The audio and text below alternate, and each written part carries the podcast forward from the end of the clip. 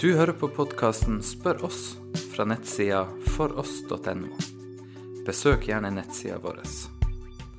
Vi oppdaterer ukentlig med artikler og andre ressurser som omhandler kristen tro. Du kan finne oss på foross.no. Hei og velkommen til en ny episode av Spør oss. Mitt navn da er Ingvald André Kårbø, og jeg skal i dag prøve å svare på et spørsmål om sabbaten. Men før jeg kommer til det spørsmålet, så vil jeg bare abonnere alle som hører på podkasten, til å abonnere på oss, enten i iTunes eller Pocketcast eller den eh, podkast-appen som du bruker. Da gjør du enkelt med å skrive inn eh, spørfoross.no, og så får du da lasta ned de nye Spør oss-episodene når de kommer hver eneste tirsdag. Dagens spørsmål da eh, handler om sabbaten, og spørsmålet da er om sabbatsbud egentlig er oppheva. Og, og, hvis det er sånn at det ikke er oppheva, er det sånn at det er lørdagen eller er det søndagen som gjelder, eller kan folk egentlig velge litt etter hva som passer de sjøl best?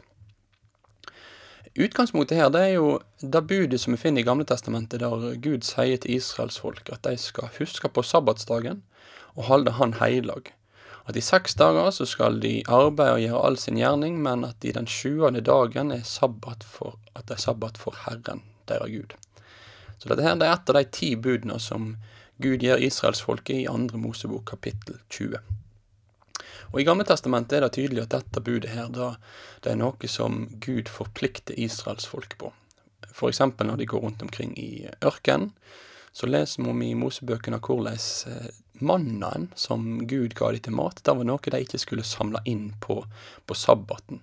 Tvert imot skulle sabbaten få være et vitnesbyrd for dem at Gud han, han sørga for dem òg denne dagen her. De skulle dagen før sabbaten eh, samle en dobbel mengde med manna og ha sin tillit til at det holdt. Um, så sabbaten det er et, et, bud som Gud har lagt på dem, og han har sagt tydelig at ja, enhver jøde i Det gamle testamentet måtte overholde og forholde seg til dette budet. Og så er det sånn, Når vi, vi leser bud og vi leser lover i Gamle testamentet, så må vi hele veien eh, stille oss spørsmålet hvordan blir dette tatt opp i Nytestamentet? For nå lever vi på den andre sida av Jesu død og oppstandelse. Vi lever i den nye pakt. Og da må Det nye testamentet òg få være den linsa som vi ser disse gammeltestamentlige lovene gjennom. For i Nytestamentet er det veldig tydelig at mange gammeltestamentlige lover vært videreført. Noen blir ikke uten videre kommentert, mens en del lover de blir faktisk avskaffa. F.eks. en del som har å gjøre med mat og drikkeforskrifter, kan vi i Hebreabrevet lese om hvordan er tydelig avskaffa i den nye pakt. Altså at en, en kristen ikke må forholde seg f.eks. For til forskrifter med tanke på hva kjøtt en kan ete eller ikke ete. Og Da er spørsmålet ok, sabbatsbudet, blir det bekrefta, blir det avkrefta i Nytestamentet, eller blir det egentlig ikke kommentert så masse? Eh, jeg skal ta ett bibelvers fra Nytestamentet med nå, og det står i Kolosserbrevet kapittel 2. Det er egentlig to vers, da, for i vers 16 og 17 der så står det Så la da ingen dømme dykk når det gjelder mat og drikke, høgtider, nymånedager eller sabbatsdager. Dette er ved skuggen av det som skulle komme, men kroppen hører Kristus til. Her skriver han til de kristne i Kolosseum, og mange av de hadde en ikke-jødisk bakgrunn. Og da er spørsmålet må de ikke ikke-jødiske menneskene som kommer til tro på Jesus, eh, begynner å forholde seg til alle disse jødiske særlovene i Gamle testamentet?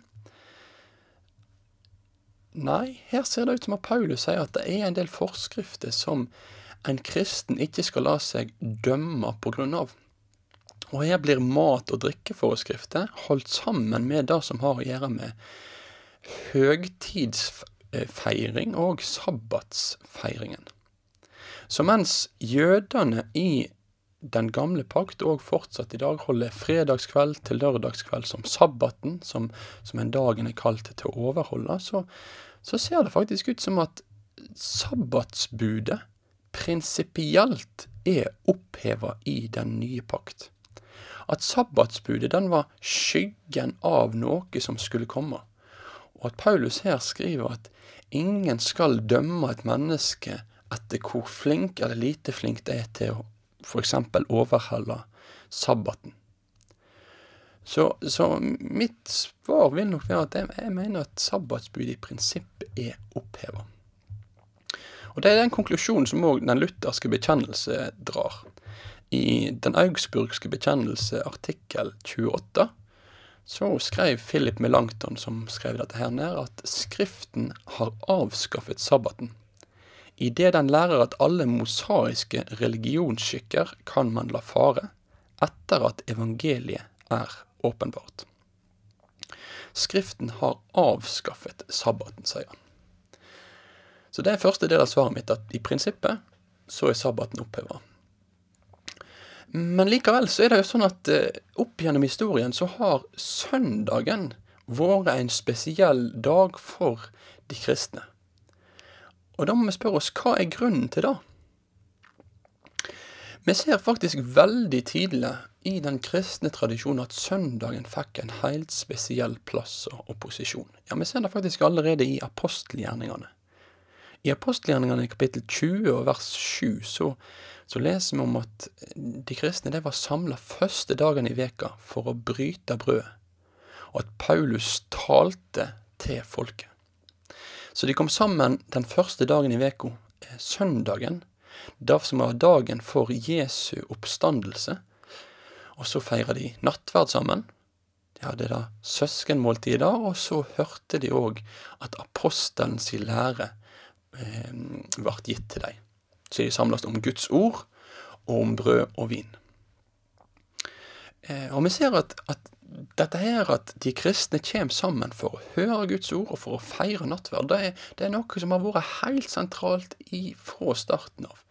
Vi, vi, kan lese hos en som heter Didaché, som er en av de tidligste vitnesbyrdene vi har i tida fra etter Nytestamentet, om hvordan de kristne blir kalla til å komme sammen på Herrens dag, på søndagen, til å bryte brød, til å gi takk og, og bekjenne syndene sine. Vi kan lese det samme hos Justin Martyr, og vi leser det opp gjennom hele kirkens historie at søndagen, Jesu oppstandelsesdag, var den dagen de kristne kom sammen for å høre hva Gud hadde sagt til dem, for å være sammen med andre kristne, og for i fellesskap òg å kunne feire nattverd. Og dette her, da, da tenker vi også skal ta med oss når, når jeg skal si litt om sabbaten. For jeg tenker at vi må først si at ja, sabbatsbudet er oppheva. Og samtidig så må vi òg si i fortsettelsen at Guds folk har et behov for å komme sammen. En har et behov for å komme sammen for at Gud kan tale til oss gjennom ordet. For at vi kan få være med og bære byrdene for hverandre. Og at vi òg i lag som kristne fellesskap kan få feire nattverd.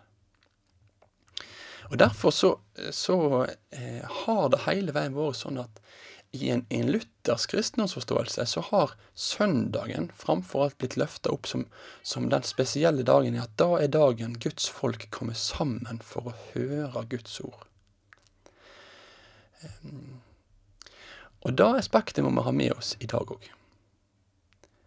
Vi trenger å komme sammen. Vi trenger å høre Guds ord. Vi trenger at Han kommer med sitt liv til oss. Og i tillegg så er det faktisk sånn at ei anna side ved Bibelens budskap om sabbatsbudet, det handler om at mennesket har et behov for å avstå fra sitt vanlige arbeid. Jesus sa jo blant annet at dette budet ble gitt for mennesker. Jeg kan lese det i Markus 2, 27. Og i det så ligger det òg noe at det er et menneskelig behov for hver og en av oss til å hvile, og til å få hvile i budskapet om Jesus og hva han har gjort for deg og for meg. Derfor er det en god ordning, og derfor er det et privilegium at vi en dag i veka kan få avstå fra å, å jobbe, fra å å måtte streve og slite med alle de arbeidsoppgavene som henger over oss i hverdagen. Vi trenger det. Vi ser at, at Bibelens Gud han er òg en Gud som vil at vi skal få hvile, og framfor alt få finne vår hvile i evangeliet. Du har nå hørt podkasten Spør oss. Still flere spørsmål, se andre ressurser, og vær gjerne med og støtte oss på foross.no.